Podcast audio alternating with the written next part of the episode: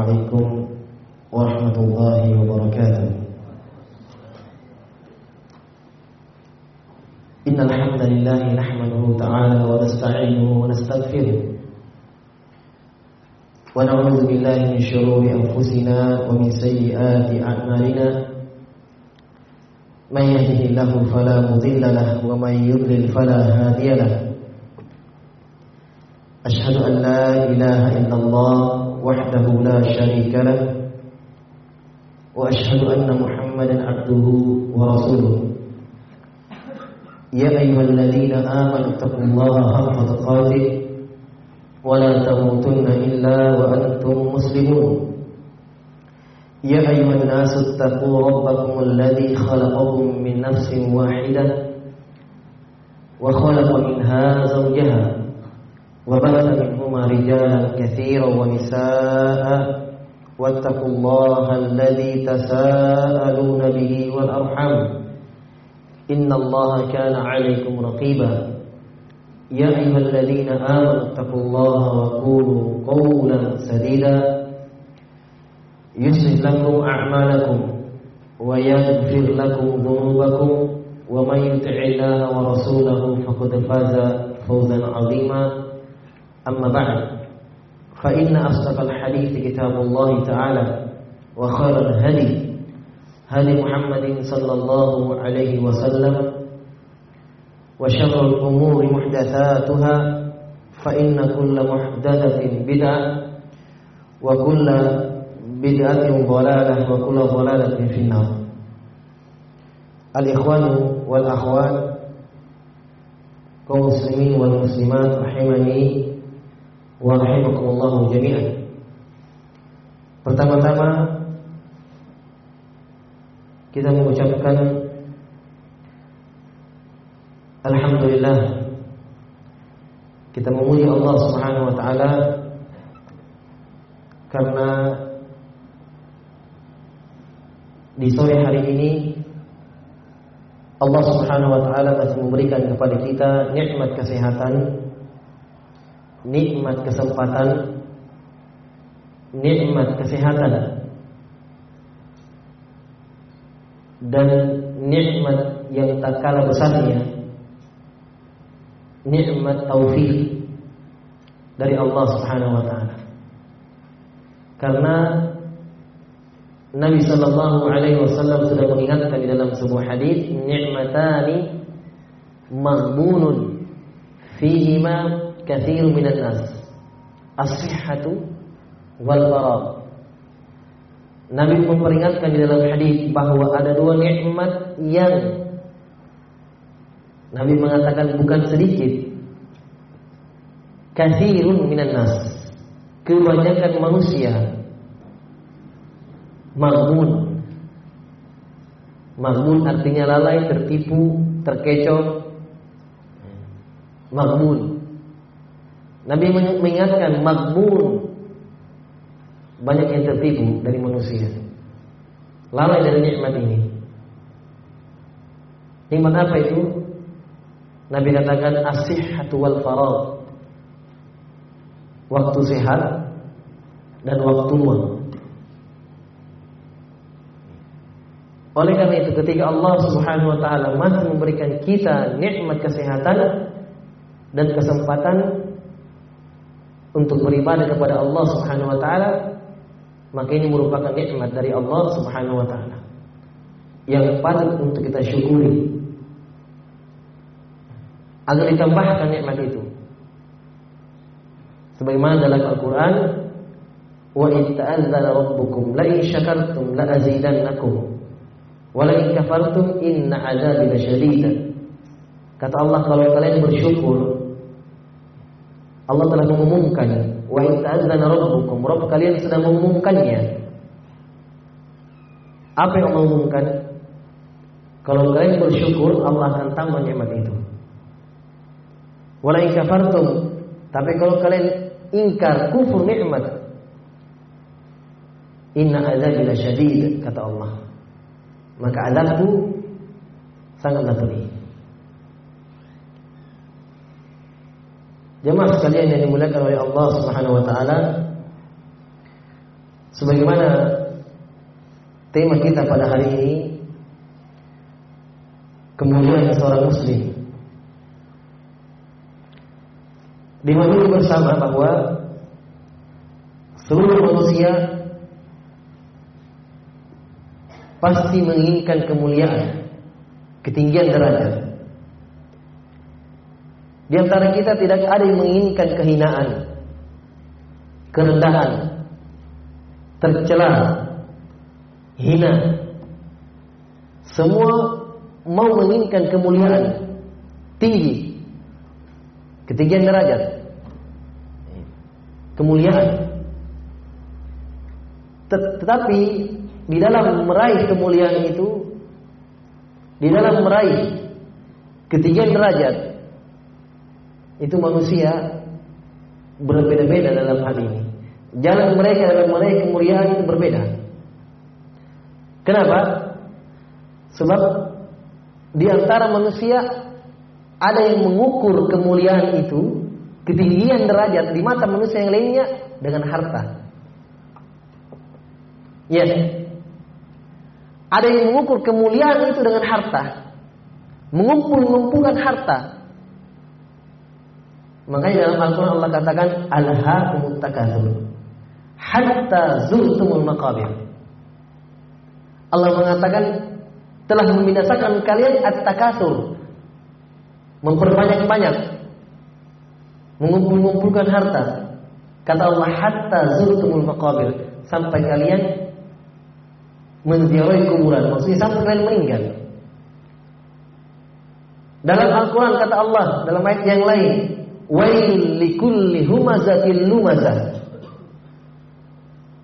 Celaka al-lumazah. Humazah wa lumazah.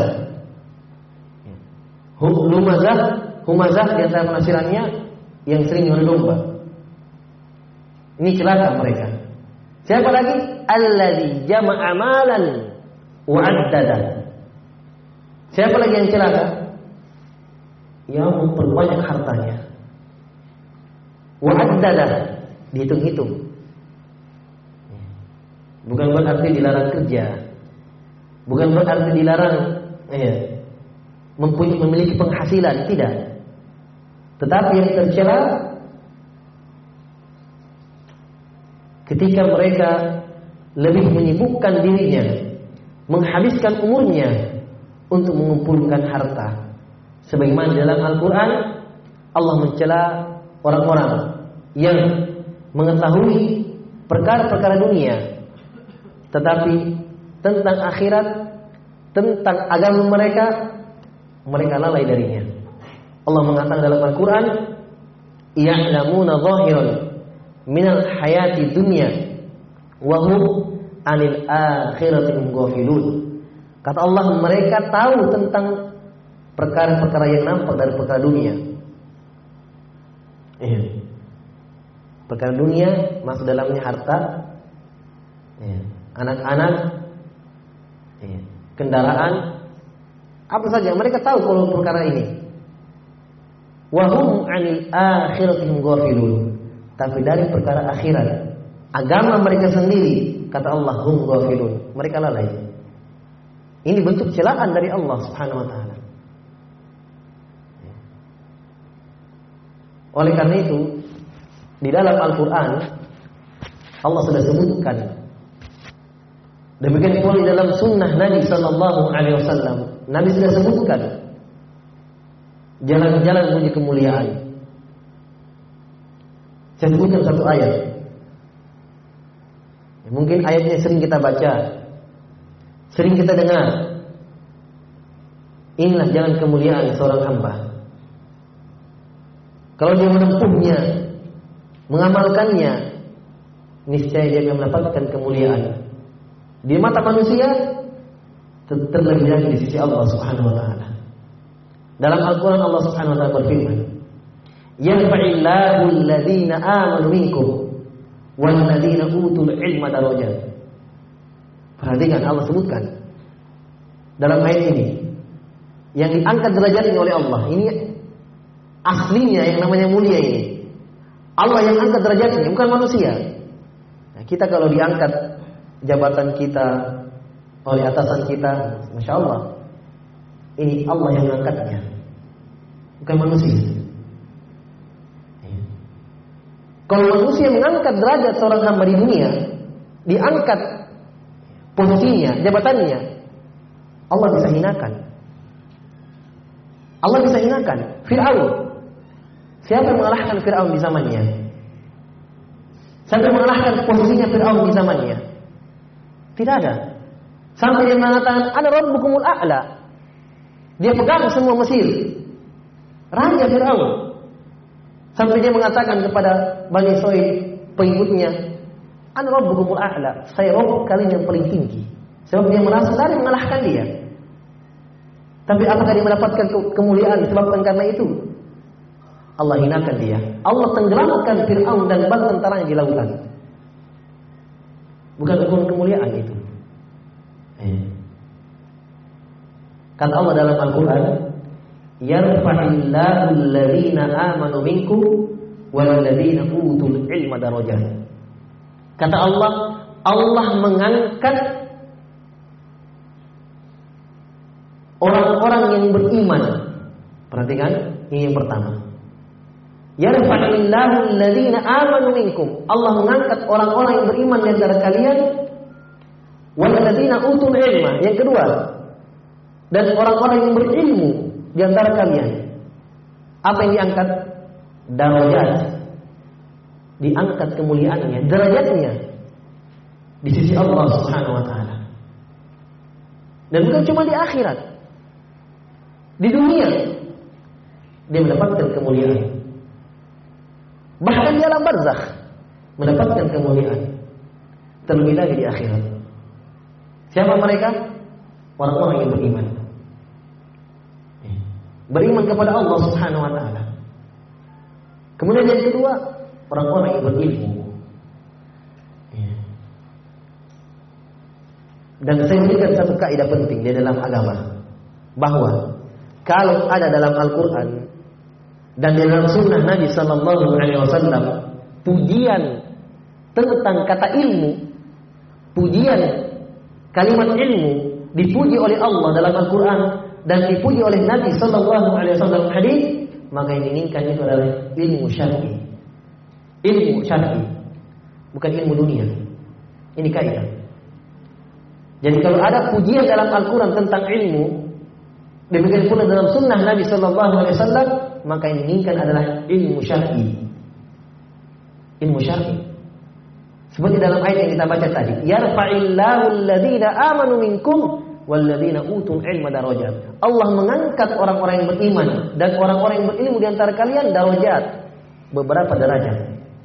Allah tidak mengatakan darajatun atau salasa darajat atau arba'a darajat Allah sudah mengatakan diangkat derajatnya 4 derajat, 5 derajat, atau mi'atu darajat, 100 derajat, atau alfu darajat, 1000 derajat. Tidak, tidak ada batasannya. Allah mengatakan darajat, berderajat-derajat tanpa batas. Semakin tinggi ilmu seseorang, semakin besar keimanannya, semakin tinggi derajatnya di sisi Allah Subhanahu wa taala dan di depan manusia. Di dunia Allah angkat derajatnya. Saya berikan beberapa contoh. Bukti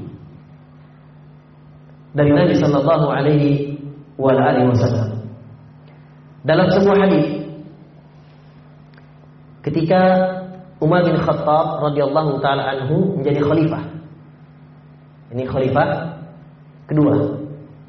Setelah Abu Bakar Siddiq, kemudian Umar bin Khattab. Belum jadi khalifah. Bertemu dengan Amr Ibn Abdul Haris. Ya.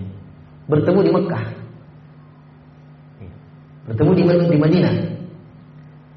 Maka Amr bin Abdul Haris ini telah diangkat oleh Umar bin Khattab radhiyallahu taala sebagai gubernur.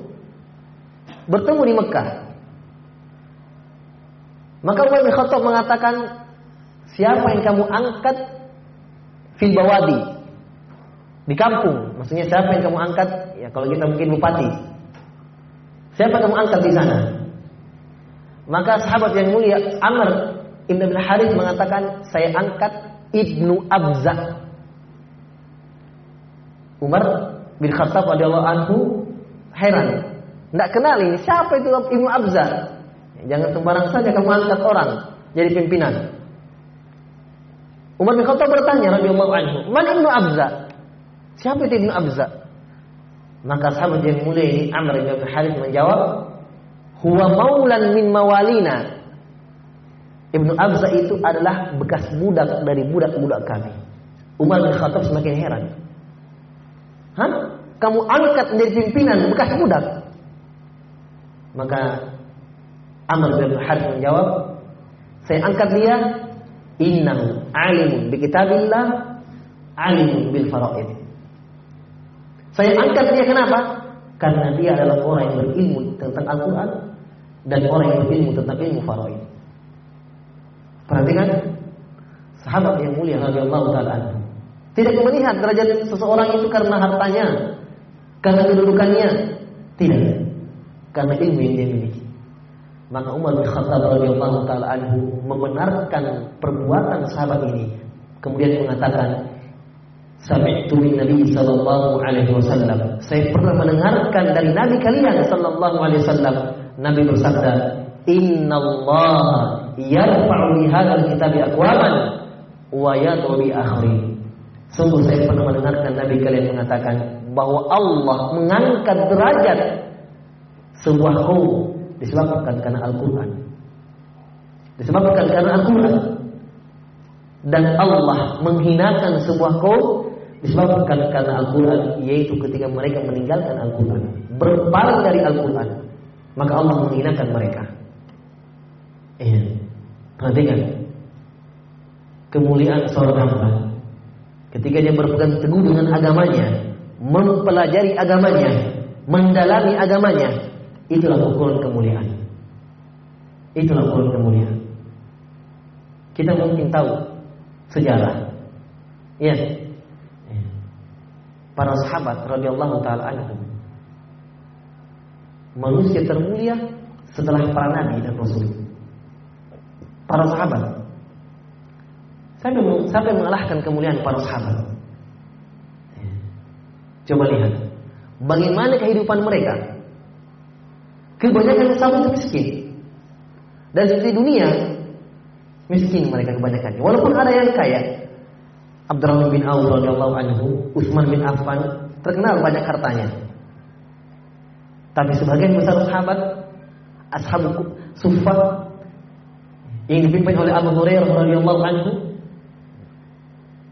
tapi perhatikan mereka adalah manusia yang paling beruntung ketika mereka bersama Nabi Shallallahu Alaihi Wasallam besarnya keimanan mereka, ilmu yang mereka miliki, mereka mengambil dari sumbernya langsung Nabi Shallallahu Alaihi Wasallam.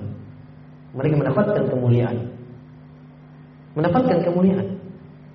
Ya. Abu Hurairah radhiyallahu taala anhu dikenal, Hah? sahabat yang mulia.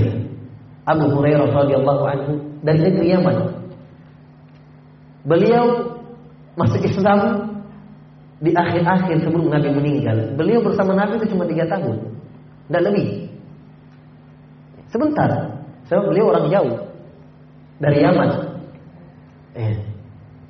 Tapi subhanallah, tahukah kita bahwa hadis-hadis yang kita dengarkan, hadis-hadis yang kita hafalkan, hadis-hadis yang kita kaji, paling banyak dari Abu Hurairah radhiyallahu anhu. Beliau adalah sahabat yang paling banyak meriwayatkan hadis dari Nabi sallallahu alaihi wasallam. Pada suatu hari beliau mengatakan bahwa mereka bertanya kenapa saya paling banyak hadisku katanya. Iya. Manusia bertanya kamu itu kenapa paling banyak hadismu? Yang lain mana? Yang lain mana? Maka beliau menjawab, saya Saudara-saudaraku, inna ashabi minal muhajirin yushbihu Asfab bil aswaq. Teman-temanku yang lain itu sibuk berjualan di pasar. Wa in ashabi minal muhajirin dan sebagian teman-teman dari muhajirin itu sibuk dengan pertanyaan dan peternakan mereka. Wa ana ujibu Nabi sallallahu alaihi wasallam ala batni. Dan saya terus menemani Nabi sallallahu alaihi wasallam walaupun saya dalam keadaan lapar. Wa ahfadu ma la. Maka saya hafal apa mereka tidak dapat.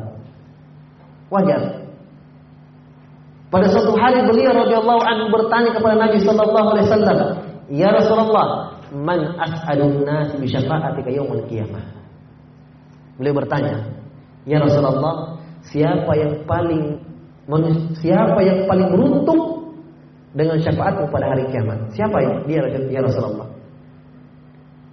Perhatikan jawaban Nabi.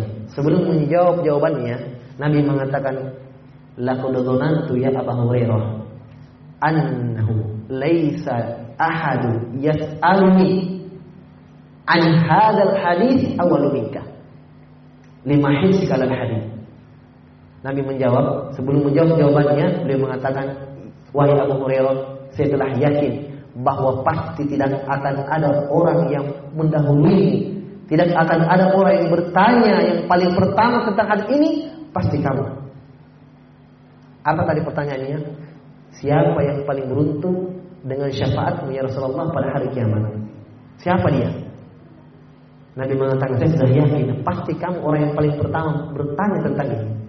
Baru Nabi jawab, As'alun nas bi syafaati yaumil qiyamah man qala la ilaha illallah khalisan min qalbihi.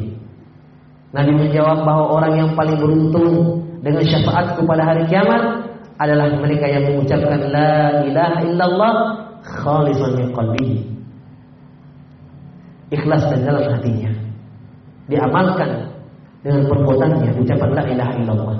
Itu dia menyembahnya kepada Allah, beribadahnya kepada Allah dan tidak pernah berpaling menyembah, beribadah kepada selain Allah Subhanahu wa taala. Bukan cuma ucapannya saja, Nah, ini yang paling beruntung pada hari kiamat. Jadi dia mengucapkan la ilaha illallah bersaksi bahwa la ilaha illallah dan diamalkan. Tidak pernah berdoa kepada selain Allah, meminta kepada selain Allah tidak. Iya. Ini yang paling beruntung dengan syafaat Nabi Sallallahu Alaihi Wasallam pada hari kiamat. Perhatikan jemaah sekalian yang dimuliakan oleh Allah Subhanahu Wa Taala. Sekali lagi bahwa kemuliaan seorang Muslim dilihat dari betapa jauhnya, berat seberapa jauh, seberapa dalam dia mempelajari agamanya. Dia mengenal agamanya. Eh. Ini menunjukkan jamaah sekalian bahwa kita ini hidup dicipta oleh Allah Subhanahu wa taala untuk beribadah kepadanya. Ini kita sudah tahu. Wa ma khalaqtul jinna wal insa illa liya'budun. Aku terciptakan ini manusia kecuali hanya untuk mereka beribadah kepadaku. Nah sekarang kita sudah tahu tugas kita untuk hidup di dunia. Bahwa kita hidup di dunia ini bukan cuma untuk senang-senang makan, tidur, ya, buang air, istirahat, tidur, makan lagi. Seperti itu? Tidak. Ini hidupnya gaya hidup orang kafir seperti ini. Binatang. Allah sudah samakan mereka dengan binatang. Dalam Al-Quran, "Walladzina kafaru yatamatta'una wa yakuluna kama ta'kul an'am wal nar lahum." Orang-orang kafir itu dia bersenang-senang. Mereka bersenang-senang dan makan sebagaimana binatang ternak juga makan. Wan lahum. Tapi neraka tempat kembali mereka. Kita tidak seperti itu. Kita hidup di dunia, Allah cipta kita untuk beribadah kepada Allah Subhanahu wa taala. Sekarang pertanyaannya, Bagaimana kita mau beribadah kepada Allah Subhanahu wa taala tanpa mengenal ibadah apa yang kita beribadah kepada Allah Subhanahu wa taala. Yang kita dengannya kita menghambakan diri kepada Allah Subhanahu wa taala. Bagaimana caranya? Apa yang Allah ridhoi? Faham maksudnya? Karena ketika Allah memerintahkan kita untuk beribadah, Allah tidak wakilkan kepada akal-akal kita masing-masing, tidak. Allah utus Rasul. Kan begitu. Itulah hikmah terbesar Allah utus Rasul. Kenapa? Agar kita menghambakan diri kepada Allah yang di mana ini, ini adalah tugas kita hidup di dunia untuk menghambakan diri kepada Allah Subhanahu Wa Taala. Allah Rasul agar kita menghambakan diri kepadanya di atas jalan yang Allah ridhoi. Makanya Allah Rasul. Kalau tidak, ya. maka dikembalikan kepada akal kita masing-masing. Oh iya, kalian beribadahlah kepada aku, silahkan. Mau sholat, bagaimanapun caranya, mau menghadap utara, timur, selatan, silahkan. Tidak. Ada Rasul yang diutus. Makanya dalam Al-Quran dikatakan, Litubayyina lin-nasi ma nuzila ilaihim. Kamu engkau Muhammad, engkau diutus agar engkau jelaskan apa yang diturunkan kepada mereka. Inilah hikmah diutusnya Rasul. Agar kita beribadah kepada Allah di atas jalannya. Bukan ah saya mau beribadah, ya terserah saya. Yang penting ibadah. Ini tidak. Yang penting sholat. Oh tidak.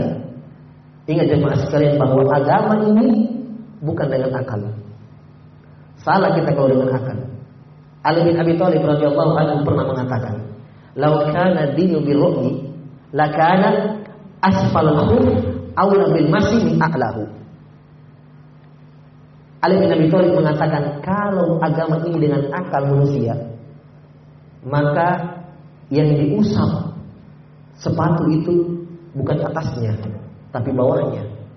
Dimaklumi bahwa di dalam syarat kita itu ada syariat dari Nabi Sallallahu Alaihi Wasallam kalau kita safar pakai sepatu ya dari rumah mau safar mau ke Jakarta, mau ke Mamuju, mau safar, pakai sepatu. Kalau sehingga sholat di jalan, tidak usah lepas sepatu kalau berwudu. Usap di atasnya. Sebagaimana hadis mutawatir puluhan sahabat yang meriwayatkannya perbuatan dari Nabi Sallallahu Alaihi Wasallam bahwa beliau mengusap di atas sepatu, tidak melepaskan sepatunya kemudian sholat. Ini sunnah dari Nabi Sallallahu Alaihi Wasallam. Ini syariat. Jelas? Tapi dengan syarat kalau mau safar masukkan kaki dalam sepatu dalam keadaan wudhu. Ketika wudhu batal, mau berwudhu lagi, tidak usah lepas, diusap di atasnya. Ali bin Abi Thalib mengatakan kalau agama dengan akal berarti yang diusap itu bukan atasnya, bawahnya. Karena bawahnya yang kotor. Tetapi Nabi Sallallahu Alaihi Wasallam kata Mughirah bin Syubah, kata sahabat yang lainnya, saya melihat Nabi Sallallahu Alaihi Wasallam mengusap di atasnya, mengusap di atasnya, menunjukkan bahwa agama apa yang datang dari Allah dan Rasulnya. Yang dibawa oleh Rasulullah Sallallahu Alaihi Wasallam. Menunjukkan bahwa pentingnya jamaah sekalian, ikhwan dan akhwat sekalian, kita belajar agama. Tidak ada jalan lain kecuali untuk belajar. Ya. Tidak ada jalan lain. Kita harus belajar. Sebab ini adalah kemuliaan seorang muslim. Satu hadis dari Nabi Shallallahu Alaihi Wasallam menambah keyakinan kita bahwa dengan mempelajari agama Allah Subhanahu Wa Taala menambah ilmu agama itulah jalan kemuliaan seorang hamba. Nabi Shallallahu Alaihi Wasallam bersabda, "Man salaka yaltamisu fihi ilman, sahhalallahu lahu bihi tariqan ila jannah." Nabi mengatakan dalam sebuah hadis, siapa yang menempuh jalan Siapa yang menempuh jalan untuk apa? Jalan ke mana? Pergi berlibur? Pergi ke sana kemari? Hah? Menempuh jalan untuk itu? Nabi mengatakan dia menempuh jalan yang tamisu fihi ilman. Dia menempuh jalan untuk mencari ilmu agama. Dia ambil motornya, ada pengajian dia datang. Dia ambil kendaraannya, ada pengajian dia datang. Dia tempuh jalan. Perhatikan balasannya. Al jaza'u min amal. Balasan disesuaikan dengan perbuatannya. Maka Nabi mengatakan, "Sahhalallahu lahu bihi tariqun ila jannah." Allah mudahkan baginya jalan menuju surga. Karena dia menempuh jalan untuk menimba ilmu, mengambil ilmu, menambah ilmu agamanya, masih banyak hukum-hukum yang dia tidak tahu. Yang halal, yang haram, yang sunnah, yang bukan sunnah. Masih banyak. Harus belajar. Dia tempuh jalan untuk itu. Nabi mengatakan, Allah mudahkan jalannya di surga. Ini kan kemuliaan kan? Surga kemuliaan. Dalam hadis yang lain Nabi mengatakan, "May yuridillahu bi khairan yufaqihu fid Siapa yang Allah inginkan begini kebaikan, berarti Allah sayangi dia. Allah cintai dia. Karena Allah inginkan begini baik. Sama orang tua ya, kepada anaknya. Nah, yang keluar panas. Apa maksudnya ini? Hah? Orang tua sayang anaknya. Dia ingin anaknya yang terbaik. Nabi mengatakan, siapa yang Allah inginkan begini kebaikan. Bagaimana caranya? Nabi mengatakan. Allah fahamkan dia dalam agamanya. Menunjukkan, ulama mengatakan, menunjukkan bahwa ketika seorang hamba dimudahkan di dalam belajar, ya, tertarik hatinya untuk belajar, semangat dia, mau belajar, bersyukur. Itu bentuk dari kasih sayang Allah kepadanya. Allah inginkan baginya baik, Allah inginkan baginya kebaikan. Allah ingin bagi dia itu mendapatkan kebaikan. Mau dia belajar, ada orang yang tidak mau belajar. Ada yang di rumah, ya, lain-lain saja, malas-malas. Ada yang cuma, ah paling tablik akbar saja, baru datang. Ya, macam-macam orang. Ya.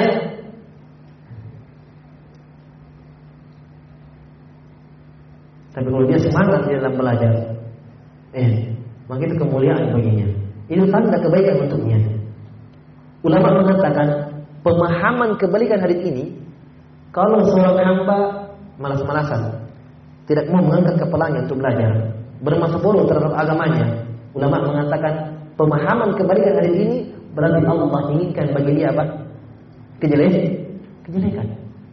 Falam azabu, azab Allah qulubahum. Tatkala mereka berpaling dari agama Allah, sekalian kata Allah, Allah palingkan dulu, sudah. Falam azabu, azab Allah qulubahum. Tatkala mereka berpaling, Allah palingkan hati-hati mereka. Ya sama suruh. Malas belajar, tidak mau, eh, bermasa bodoh terhadap agama, ah, sudahlah, yang biasa-biasa saja. Hah? Ini kalimat ini perlu di di, di, di, dibelah ini kalimat ini. Apa maksudnya itu biasa-biasa? Hah? Islam biasa-biasa saja. Ini kalian terlalu keras saya ini. Hah? Yang biasa-biasa. Sekarang Islam itu yang bawa siapa? Nabi kita Muhammad SAW. Berarti Islam yang biasa apa yang Nabi bawa? Ini yang biasa. Ini asli. Kan begitu? Berarti kalau di luar tuntunannya Nabi SAW namanya luar biasa. Bukan yang biasa-biasa. Yang biasa-biasa justru yang biasa-biasa itulah yang dari Nabi SAW. Betul-betul benarlah saudara saudara Rasulullah SAW. Nabi mengatakan 15 abad yang lalu. Badal Islam goriban wa sayyidu goriban kama bada fatuba lil Ini ucapan Nabi sallallahu alaihi 15 abad yang lalu sudah diucapkan. Islam bermula dalam keadaan asing. Ya, Nabi ketika datang membawa Islam, Muhammad gila, stres, menjenuh, masfur, tersihir. Ya kan? Kenapa? Beliau datang membawa sesuatu yang menyelisih kebanyakan orang. Orang menyembah patung. Ya, minta kepada wali. Ada menyembah batu.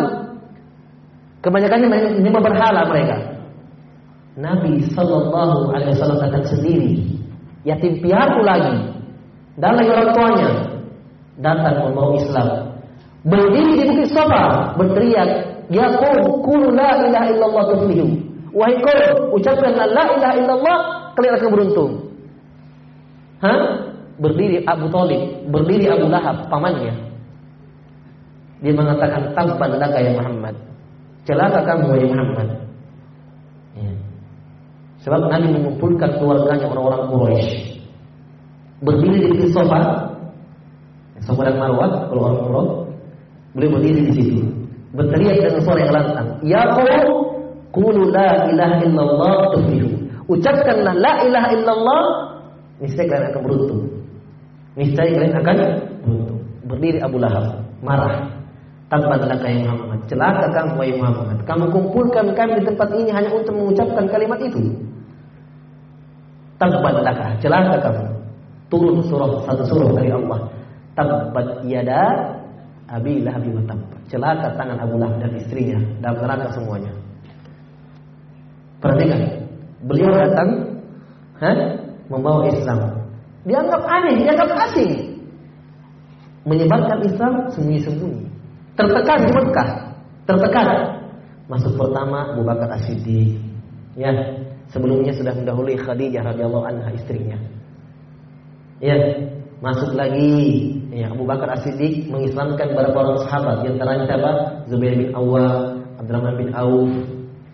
Ya, Islam oleh Abu Bakar As-Siddiq ya, termasuk di dalam Utsman bin Affan. Abu Bakar As-Siddiq yang mengislamkannya.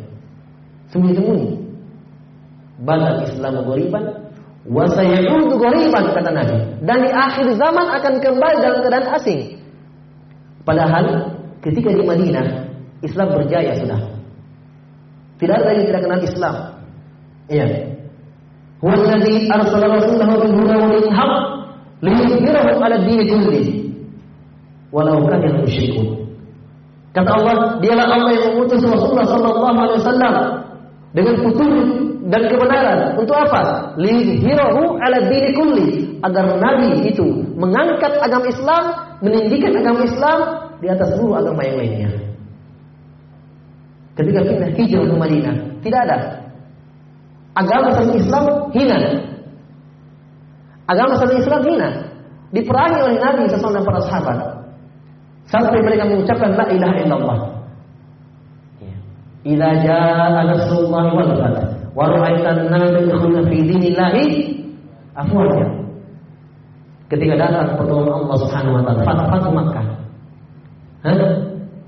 Allah mengatakan, kamu akan lihat wahai Muhammad manusia.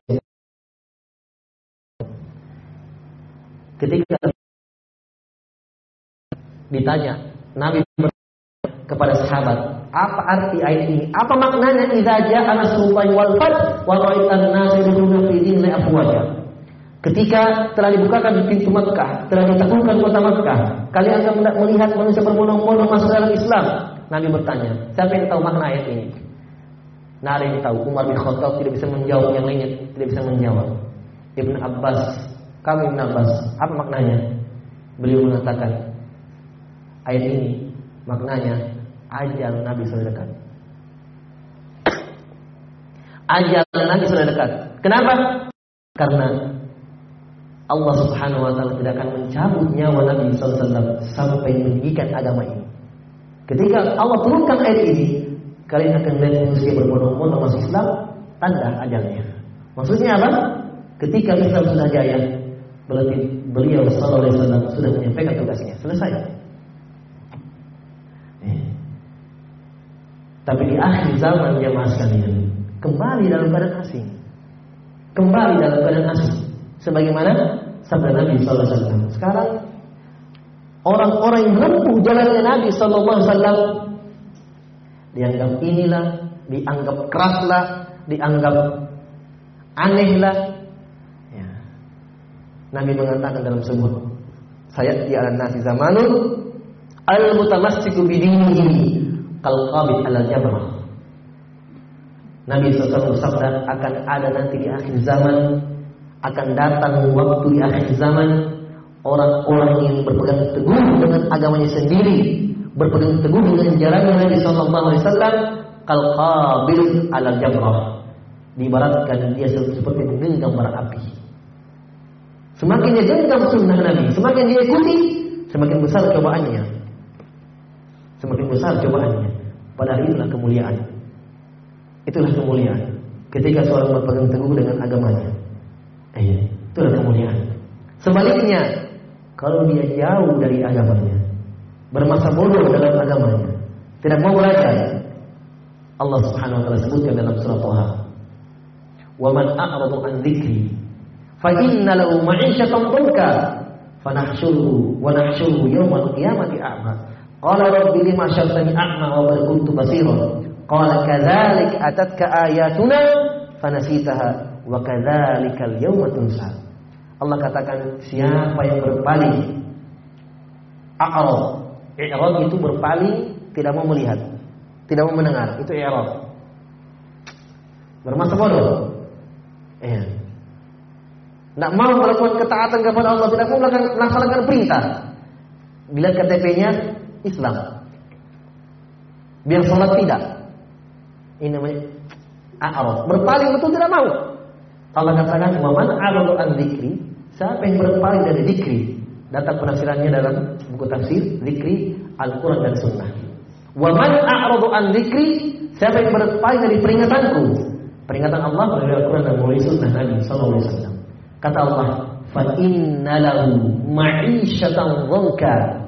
Maka dia akan mendapatkan kehidupan yang sempit. Apa makna kehidupan sempit? Sempit di dunia, sempit di alam barzakh, sempit di akhirat. Sempit di dunia, sempit dadanya. Galau terus, stres. Eh. Waliyahzubillah bahkan sampai ada yang diri, stres, kehidupannya susah. Ya, disempitkan rezekinya, sulit rezekinya. Ini siksa orang yang berpaling jauh dari agama Allah Subhanahu wa taala. Ustaz, ada orang orang kafir Ustaz, banyak orang kaya. Hah? Diberikan rezeki. Diberikan. Dilapangkan rezekinya.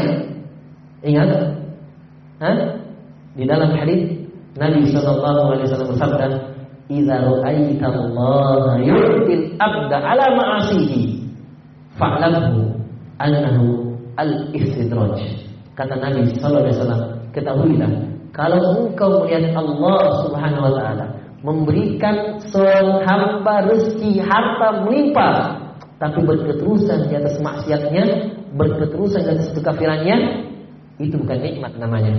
Nabi mengatakan itu istidraj, perlalaian agar dia semakin kufur. Semakin diberi, diberi, diberi, maka nanti akan datang azab Allah setiap tiba-tiba. Ya. Kata Allah, siapa yang berpaling dari agamaku, dari peringatanku, fa innahu ma'isyatan maka akan disempitkan kehidupannya. Ya. Kehidupan dunia dan akhirat, dunia dan alam barzakh. Di alam barzakh disempitkan dia apanya? yang ditempatkan datang penasihat dalam hadis. Eh, dalam hadis, perhatikan ya, dalam hadis Bara bin Aziz. Hadis Bara bin Aziz yang diriwayatkan oleh Imam Tirmidzi dan selainnya ini kisah.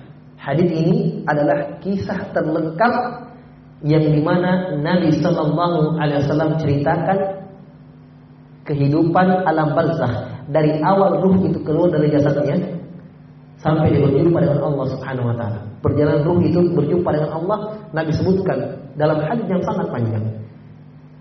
Iya, ketika dia ditarik dari jasadnya, iya, si mayit ini diantar oleh keluarganya. Iya, ketika diletakkan oleh keluarganya, keluarganya di liang lahat, keluarganya pulang yang mengantarnya, Nabi mengatakan dia mendengarkan suara sendal keluarganya yang pulang, suara langkah kaki keluarganya ketika pulang. Maksudnya apa? semakin sedih dia. Iya. Maka Nabi mengatakan Fa'atahu malakani Datang dua malaikat bertanya kepadanya. Fayuqidanihi Didudukkan dia. Bertanya malaikat tiga pertanyaan. Marrobuk Madinuk Waman nabiyuk? Siapa rohmu Apa agamamu? Dan siapa nabi? Ini tiga pertanyaan. Dan sepakat ulama Islam bahwa Semua akan ditanya tentang pertanyaan ini.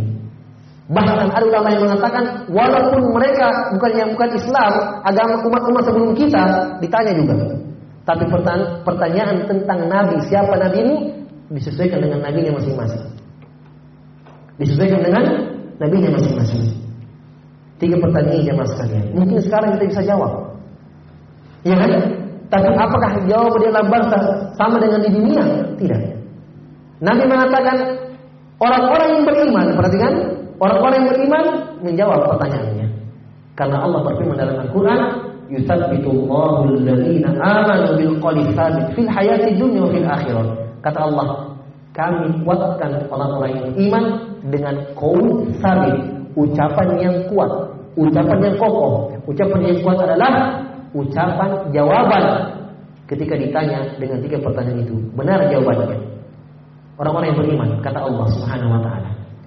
Dalam hadis ini lanjutannya Nabi mengatakan wa ammal kafir Adapun orang-orang kafir dalam riwayat yang lain muammal munafik, orang-orang munafik. Iya. Ditanya dengan tiga pertanyaan ini mereka tidak mampu menjawab. Maka Nabi mengatakan fayudrabu bil mirzabbah. Maka dia dipukul dengan palu. Ketika dia ditanya dengan tiga pertanyaan ini dia menjawab ha ha ha la adri. Saya tidak tahu. Sami'tun nas yakuna syai' faqultuhu. Saya mendengarkan manusia mengatakan ini, saya juga katakan itu. Perhatikan ya jawabannya. Ha ha ha la adri. Teriak-teriak la ha ha la adri. Saya tidak tahu. Sami'tun nas yakuna syai' faqultuhu. Saya mendengarkan manusia bilang A, saya juga bilang A. Makanya ulama mengatakan di sini bahwa yang tersiksa di dalam kubur adalah orang yang beragama atas dasar ikut-ikutan. Nggak mau belajar. Lihat orang amalkan ini, lihat orang banyak, ya, ikut saja. Mau belajar. Ikut-ikutan. Maka Nabi mengatakan dia pun dipukul oleh dipukul dengan mirzab. Yang Nabi mengatakan kalau palu ini dipukulkan ke gunung, gunung ini akan hancur menjadi tanah. Akan hancur menjadi tanah. Nah, kemudian ini jadi pembahasan kita. Sebagaimana penafsiran ayat tadi, fa ma'isyatan. Disempitkan kehidupannya, dunia dan alam barzah. Nabi mengatakan ketika dia dipalu, ya, disiksa, maka Nabi mengatakan tanah pun menghimpitnya. Sampai Nabi mengatakan tah hatta tahtalifa adla'u. Nabi mengatakan sampai tulang rusuknya remuk, saling silang. Perhatikan, fa inna lahu ma'isyatan kata Allah. Siapa yang berpaling dari peringatanku, maka akan mendapatkan kehidupan yang sempit. Itu dia kehidupan yang sempit. Di alam barzah itu tadi. Kemudian di akhirat Allah katakan di ayat selanjutnya, "Wa nahsyuru yaumal qiyamati a'ma." Kami bangkitkan dia dalam keadaan buta pada hari kiamat. Dia bertanya, "Qalu qala rabbi lima syafani a'ma wa qad kuntu basira?" Dia menjawab, "Ya Allah, kenapa Engkau membangkitkan saya dalam keadaan buta? Di dunia saya dulu melihat." Allah menjawab, "Kadzalik atatka ayatuna fanasitaha." Demikianlah kata Allah, kami datangkan kamu kepadamu di dunia, ayat-ayat kami sudah dibacakan, iya. Al-Quran banyak, ada ayat-ayat kami, kami datangkan kata Allah. Fanasita, kalian tinggalkan. Tidak mau mempelajarinya. Bermasa bodoh. Kata Allah, wa kadzalikal yauma tunsa. Hari ini pun kalian ditinggalkan juga. Al jazau min amal. Ya, balasan sesuai dengan perbuatannya. Ya.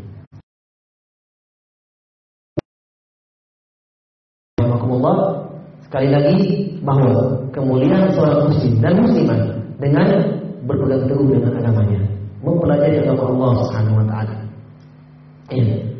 Dalam sebuah hadis, di dalam sebuah hadis Ibnu Umar radhiyallahu taala anhu yang dikeluarkan oleh Imam Ahmad dan selainnya dan Imam Abu Dawud Nabi sallallahu alaihi wasallam bersabda "Idza tabayyatum bil ina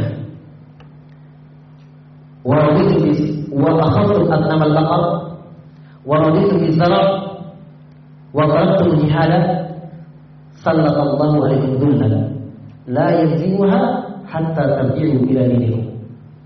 Perhatikan. Nabi katakan, "Idza tabayatum bil ina."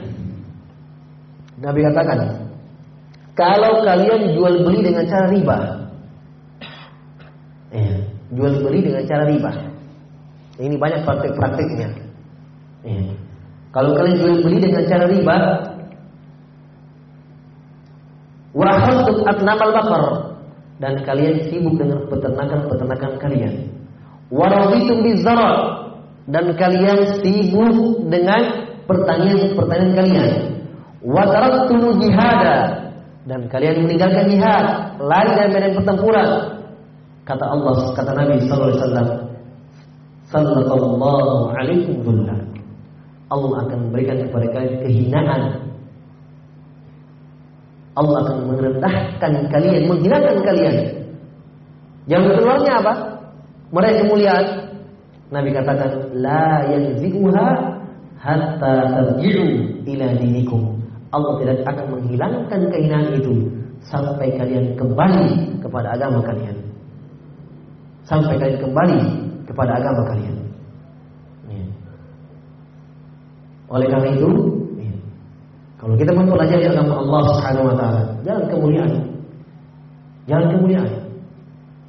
Makanya Nabi SAW dalam hadis, ya, bahkan di dalam Al-Quran, Allah Subhanahu Wa Taala memerintahkan nabinya untuk selalu meminta tambahan ilmu. Wa qul rabbi zidni ilman. Kata Allah, katakan oleh Muhammad, berdoa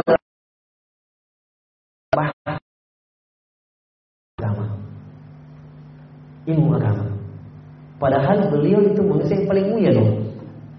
Iya kan? Tetapi Allah masih memerintahkan beliau untuk berdoa, meminta tambahan ilmu. Loh kita umatnya mengaku cinta Nabi, mengaku ikut jalannya Nabi, malas belajar? Ya? Tahu kita jemaah sekalian bahwa Nabi itu belajar.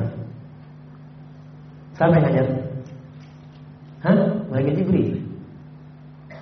Sekali setahun dibacakan Al-Quran. Mendekati ajalnya, ditambah durasinya dua kali dalam setahun. Jibril turun membacakan kepada beliau alaihi wassalam Al-Quran. Allah mengatakan dalam Al-Quran wa anzalna 'alaikal kitaba wal hikmah wa 'allamaka ma lam takun ta'lam wa kana fadlullahi 'alaika 'aziman. Kata Allah, wahai Muhammad, kami turunkan kepadamu Al-Quran dan Sunnah wahyu kedua dan kami ajarkan kamu malam takun ta'lam yang dulu kamu tidak tahu apa-apa. Wa kana fadlullahi 'alaika 'aziman. Dan ingat keutamaan Allah kepada Muhammad SAW. Ini Allah ingatkan nabinya agar selalu bersyukur dengan ilmu diajarkan kepadanya.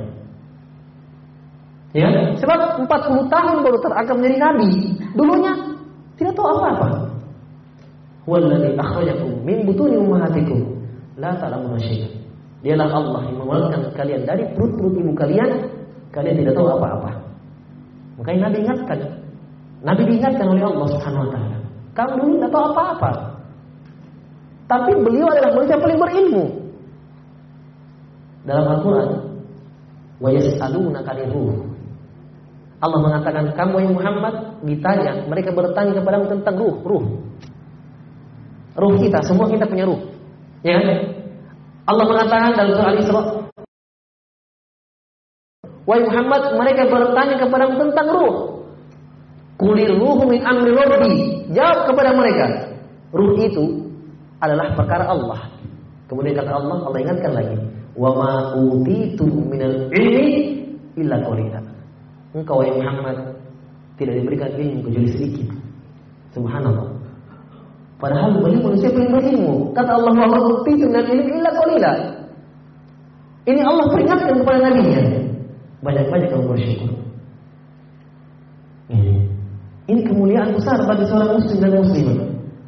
Hanya kebanyakan manusia kata Allah walakin aktsarun nasi la ya'lamun. Akan tapi kebanyakan manusia tidak tahu. Tidak tahu. Dalam Al-Qur'an saja, enggak jauh-jauh, buka surah Ar-Rahman. Buka surah Ar-Rahman. Di dalam surah Ar-Rahman Allah Subhanahu wa taala mengungkap sekian banyak nikmatnya. Bahkan Allah mengulang, "Fabi ayyi ala'i rabbikuma tukadziban." Dalam surah Ar-Rahman 31 kali. Diulang terus.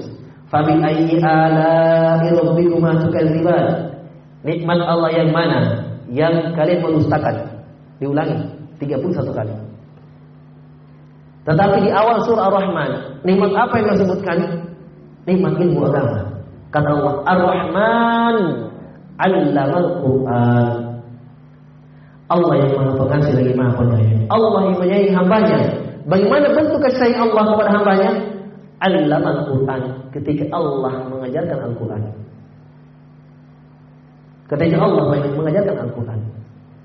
Nah, baru Allah ungkap nikmat yang lain.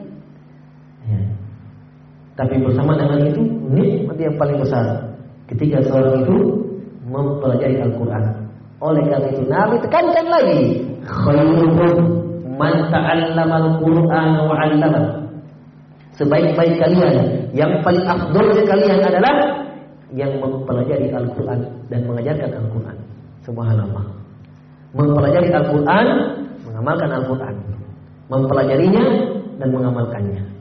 Kata Nabi SAW, itulah adalah khairukum. Sebaik-baik. Yang paling baik afdolnya di antara kalian. Pernah di dalam sebuah hadis kita tutup hadis ini ya, menjadi kita dengan hadis ini. Ini hadis menunjukkan bahwa kita eh, dituntut, sangat dituntut untuk belajar agama. Eh, wajib belajar agama Allah Subhanahu wa taala. Di dalam sebuah hadis hadis Abu Hurairah radhiyallahu anhu, Bukhari dan Muslim. Nabi Shallallahu Alaihi Wasallam pernah masuk di dalam masjid, melihat orang sholat. Ya, melihat orang sholat. Ketika orang ini salam, ini bukan dongeng ya, ini Bukhari Muslim ini, disepakati. Umat Islam menerima hadis Bukhari Muslim. Melihat orang sholat, ketika orang ini sudah salam, kanan kiri, Nabi mengatakan kepadanya, Irji fasolli, fa inna kalam tusolli. Kembali kamu wahai kembali, kembali kamu. Irji Fasolli, salat, ulangi salat. Fa inna kalam tusalli. Kamu dianggap belum salat. Padahal dia sudah salat. Sudah salam dia. Kata Nabi kembali, ulangi salat. Berdiri kembali, ulangi. Dia takbir lagi. Allahu akbar. Ruku, sujud sampai salam. Kata Nabi, irji fasolli. Fa inna kalam tusalli. Kembali, ulangi salatmu. Kamu dianggap belum salat. Apa maksudnya disuruh ulangi karena bah, bah, batal, tidak sah. Padahal dia sudah sholat ini sampai tiga kali disuruh ulangi. Ketiga kalinya tetap Nabi suruh ulangi. Di kali ketiga dia datang kepada Nabi SAW. Dia mengatakan, Ya Rasulullah, sungguh sholat itu tadi yang saya lakukan adalah sholat yang paling bagus. Menurut dia, menurut dia itu sholat paling bagusnya itu, yang paling terbaiknya. Di kali pertama, kedua lebih bagus, ketiga yang sudah tahu paling bagus menurut dia. Tapi Nabi katakan ulangi. Ya. Sampai orang ini mengatakan, saya tidak pernah melihat pengajar, pendidik yang paling baik hati selain Nabi SAW. Nabi tidak pernah marah, Nabi tidak marah dia. Nabi ajarkan dia, panggil. Nabi mengatakan kepadanya, "Idza kumta ila sholati fa'asbighil wudu, thumma istaqbil qiblah, fakabbir, thumma qra' ma tayassara min al-Qur'an, thumma ka hatta tatma'inna raki'an." Thumma irfa hatta tatmaina qa'iman thumma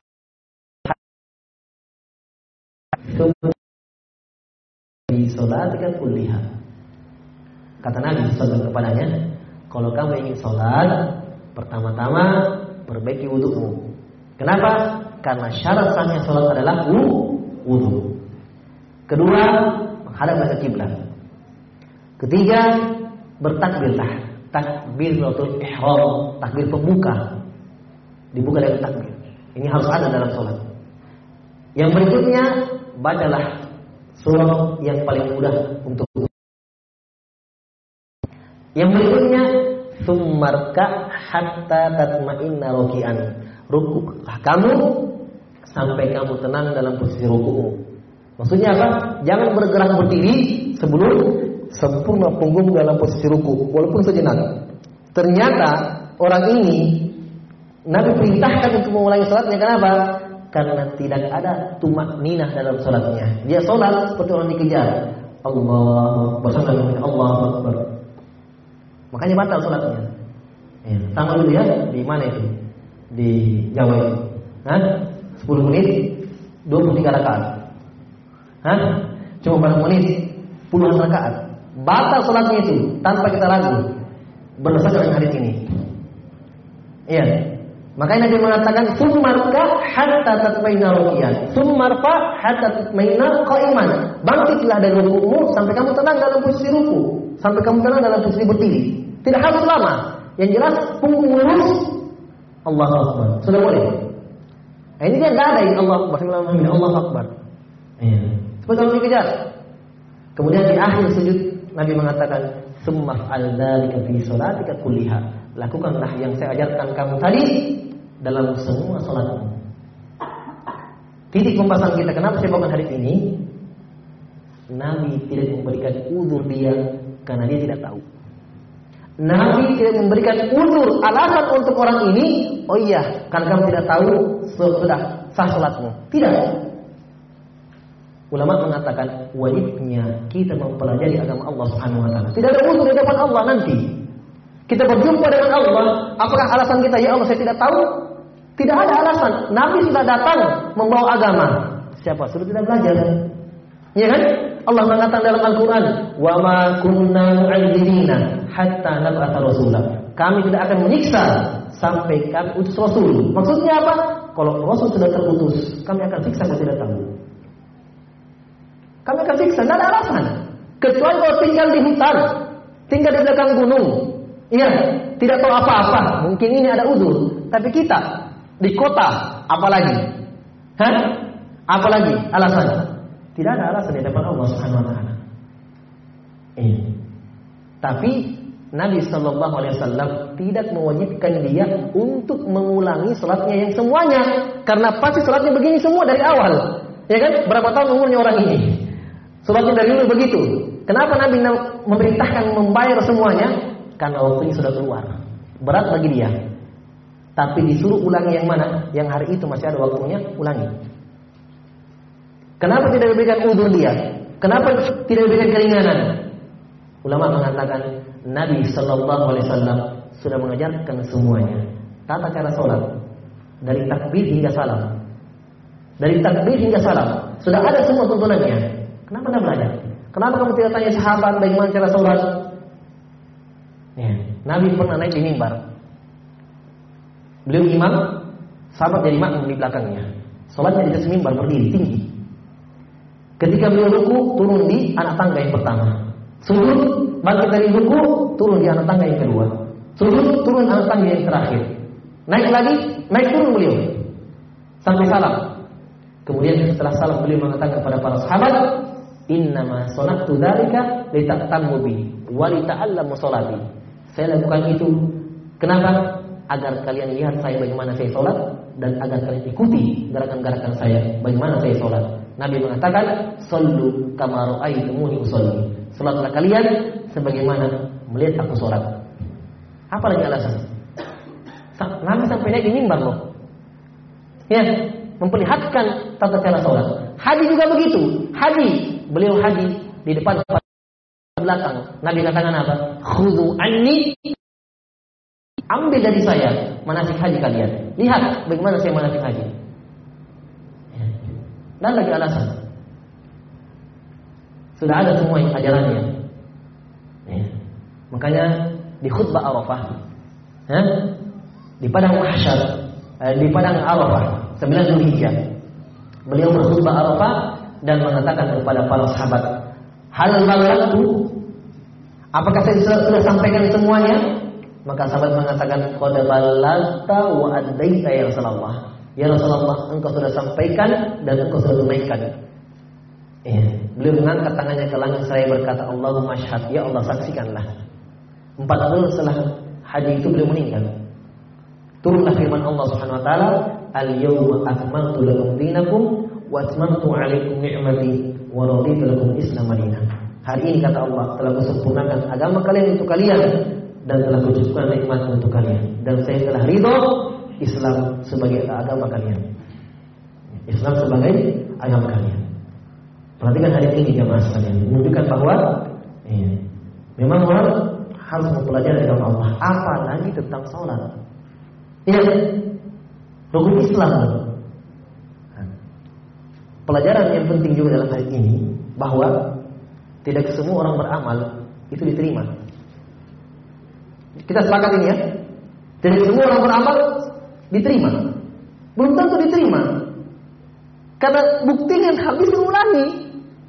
Kan begitu.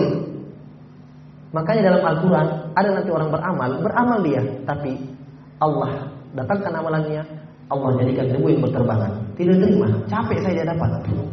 Kata Allah, "Wa qadimna ila ma amilu min amali faj'alnahu haba'an mansura." Kami dan kami jadikan debu yang berterbangan. Kenapa? Amalan Yang pertama ikhlas kepada Allah. Dia beramal bukan karena ingin dilihat. Dia beramal bukan karena ingin dipuji manusia. Dia beramal bukan karena paksaan orang lain. Ikhlas kepada Allah. Ya. Sebagaimana dalam Al-Quran, Qul inna salati wa nusuki wa mahyaya wa mamati lillahi rabbil alamin la syarikalah. Katakanlah ya Muhammad, dan hidup matiku semua milik Allah Subhanahu wa taala. Kemudian yang kedua, Iya. Kalau dia sudah ikhlas kepada Allah, yang kedua harus sesuai dengan tuntunan Nabi Shallallahu Alaihi Wasallam. Ini syarat mutlak, tidak bisa lepas ini. Walaupun dia ikhlas saja, ya ikhlas dia, tapi salah tuntunannya tetap tidak diterima. Saya kasih contoh saja, contoh mudah. Tiga rakaat, tambah satu lagi. Salatnya tidak sah. Menurut kesepakatan kaum muslimin, harus ulangi. Ya. Sampai berpikir semakin banyak rakaat rakaatnya semakin afdol. Iya, lima rakaat setelah subuhnya. Semakin banyak rakaatnya semakin bagus. Hah? Tidak diterima salatnya. Nabi mengatakan man amila amalan laisa alaihi amruna fahuraddu. Siapa yang beramal dalam agama kita, Hah? laisa alaihi amruna. Saya mau beramal yang tidak ada dalam agama itu tunannya, tidak ada. Laisa alaihi amruna. Fahuwa Nabi mengatakan maka amalannya tertolak. Karena tidak dalam tuntunan kita. Ya. Ini syarat mutlak. Nah, ini tadi kalau kita kembalikan dua syarat mutlak ini kembali. Penting kita belajar. Karena ya, kita tidak tahu yang mana sunnahnya Nabi, yang mana bukan, kan begitu. Dengan mempelajari agama Allah Subhanahu wa taala. Apalagi sekarang alhamdulillah sarana-sarana ilmu sudah banyak jalur-jalur ilmu sudah banyak. Ya. Dan Allah alhamdulillah masih memberikan kita tiga jalur ilmu, mata, pendengar dan hati. Masih sehat semua. Ya kan? Ini tiga jalur ilmu ini. Mata, pendengar dan hati. Ya. Makanya Allah berfirman dalam Al-Qur'an, "Innama tunziru man ittaba dzikra wa khasyya rahman bil ghaib." Kata Allah. Yang hanya bermanfaat untuknya. Nasihatmu itu Muhammad, ya itu orang-orang yang khusyuk saja. Orang-orang yang betul-betul mentadaburinya, mengamalkannya. Ya. Ini jalur ilmu namanya. Maka ini kemuliaan seorang muslim dengan terus ya, istiqomah di atas mempelajari agama Allah Subhanahu wa taala. Jangan bosan-bosan untuk belajar, tidak. Tidak ada kata ya sudah tua saya tidak mau belajar lagi sudah tua. Jawab Nabi SAW itu 40 tahun baru eh, diberikan wahyu oleh Allah 40 tahun. Itu kan 40 tahun bukan lagi umur yang muda, ya kan? Eh, masih belajar. Ibnu Hazm rahimahullah besar dari negeri Andalus. Pernah dengar? Sampai sekarang patungnya masih ada di Spanyol. Dulu Spanyol itu Masya Allah itu dulu. Dulu tempatnya ulama. Sekarang masjid-masjid sudah jadi gereja di sana. Ya. Imam Ibn Hazm rahimahullah punya banyak karangan. Ya. Tokoh-tokoh dan tokoh Islam ya. Ulama. Ya. Sampai sekarang patungnya masih ada. Ditokohkan di sana. Beliau belajar jadi ulama berapa tahun? 40 tahun. Dulu jahil aslinya jahil, tidak tahu apa-apa. Iya. Sampai kisahnya dia masuk ke dalam masjid, dia langsung duduk, ditegur. Kamu itu kalau masuk masjid jangan langsung dulu, salat dulu dua rakaat. Nah, oh iya, dia tidak tahu. Ya, karena ada sunnahnya kan dia perintah, bahkan ulama mengatakan wajib masuk masjid salat dulu dua rakaat, jangan langsung dulu. Besoknya dia masuk masjid lagi, dia sholat, tapi dia sholat di waktu terlarang. Ya, walaupun ini pendapat tidak kuat, tapi ada ulama berpendapat begini, tetap dilarang sholat, walaupun sholat di masjid di waktu terlarang. Waktu terlarang itu habis sholat subuh habis sholat asar dan ketika matahari di tengah. Ya. Kemudian ketika matahari sedang ter, ter, terbenam sampai sempurna terbenamnya dan ketika matahari terbit sampai sempurna terbitnya. Ini lima waktu terlarang. Dia masuk masjid, sholat dia. Ditegur lagi sama yang kemarin. Hei, kamu itu kalau sholat? Jawab terlarang tidak boleh. Dia mengatakan, saya kemarin tidak sholat ditegur. Saya sekarang sholat ditegur lagi. Ibn Hazm mengatakan, saya harus belajar dari sini. Beliau belajar, dia belum besar. Jadi belum besar.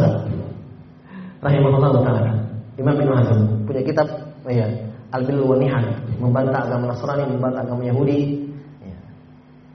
Punya peran dalam Islam. Menunjukkan bahwa memang sampai akhir hayat kita belajar. Imam Ahmad ditanya rahimahullah, sampai kapan kita belajar? Beliau mengatakan ilal makbarah ma'al mahbarah. Sampai ke kuburan bersama tinta. Sampai ke kuburan bersama tinta. Maksudnya apa? Sampai mati. Karena menuntut ilmu itu belajar itu ibadah. Dan ibadah ada batasnya. Kan begitu. Allah mengatakan kepada nabinya, "Wa'bud rabbaka hatta ya'tiyakal yakin." Iya. Sembahlah Rabbmu, beribadah kepada Allah yang Muhammad sampai datang kepada kematian. Ya.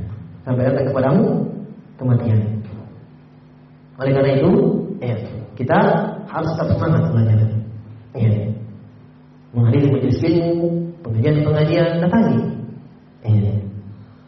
Jauh sedikit tidak apa-apa. Ya. Semakin jauh pengorbanan, semakin jauh jarak ini, semakin besar pahalanya. Semakin besar pahalanya. Ya. Dan ingat satu perkara, ilmu yang didapatkan, ilmu yang didengarkan itu untuk diamalkan. Ingat ya, bukan cuma mengumpul-ngumpulkan saja. Oh banyak, masya Allah banyak dengar banyak dengar, tapi tidak diamalkan. Bukan itu yang diinginkan. Ilmu itu dicari, didengarkan, diamalkan. Untuk diamalkan. Iya, untuk diamalkan. Makanya dalam Al-Quran selalu Allah gabungkan. Innal ladzina amanu wa amilu solihat. Amanu wa amilu solihat. Berapa kali dalam Al-Quran ini digabung? Amanu itu adalah illal wa amilu solihat dan beramal. Sebab dalam Al-Quran itu kalau ada penyebutan orang-orang yang beriman, itu orang-orang yang berilmu.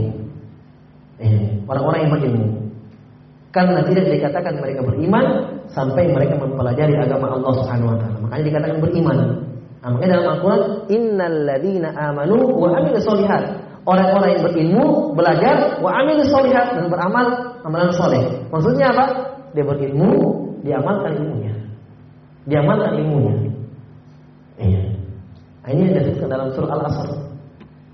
Ketika Allah menyebutkan semua manusia dalam keadaan merugi. Ya. Wal asr innal ya. semua manusia dalam keadaan merugi. Merugi. Kemudian kata Allah Subhanahu wa taala, "Innal ladzina amanu wa amilus shalihat." Ya. Wa tawassaw bil haqqi wa tawassaw bis sabr. Ini empat perkara. Ternyata dikembalikan kepada perkara tadi. Dia mempelajari agama Allah Subhanahu wa taala, dia amalkan. Dia bersabar di atasnya. Dia bersabar di atasnya. Ya. Ini mungkin cukup uh, kalimat dari saya. Semoga memberikan manfaat untuk kita semuanya dan semoga kita bisa mengamalkannya agar menjadi bekal untuk kita semua guna bertemu pada Allah Subhanahu wa taala. Naktabi bihala inna walidhalika al-qadiru alaihi subhanakallahumma wa bihamdika asyhadu an la ilaha illa anta astaghfiruka wa atubu ilaika wa qul awana alhamdulillahi rabbil alamin. Assalamualaikum warahmatullahi wabarakatuh.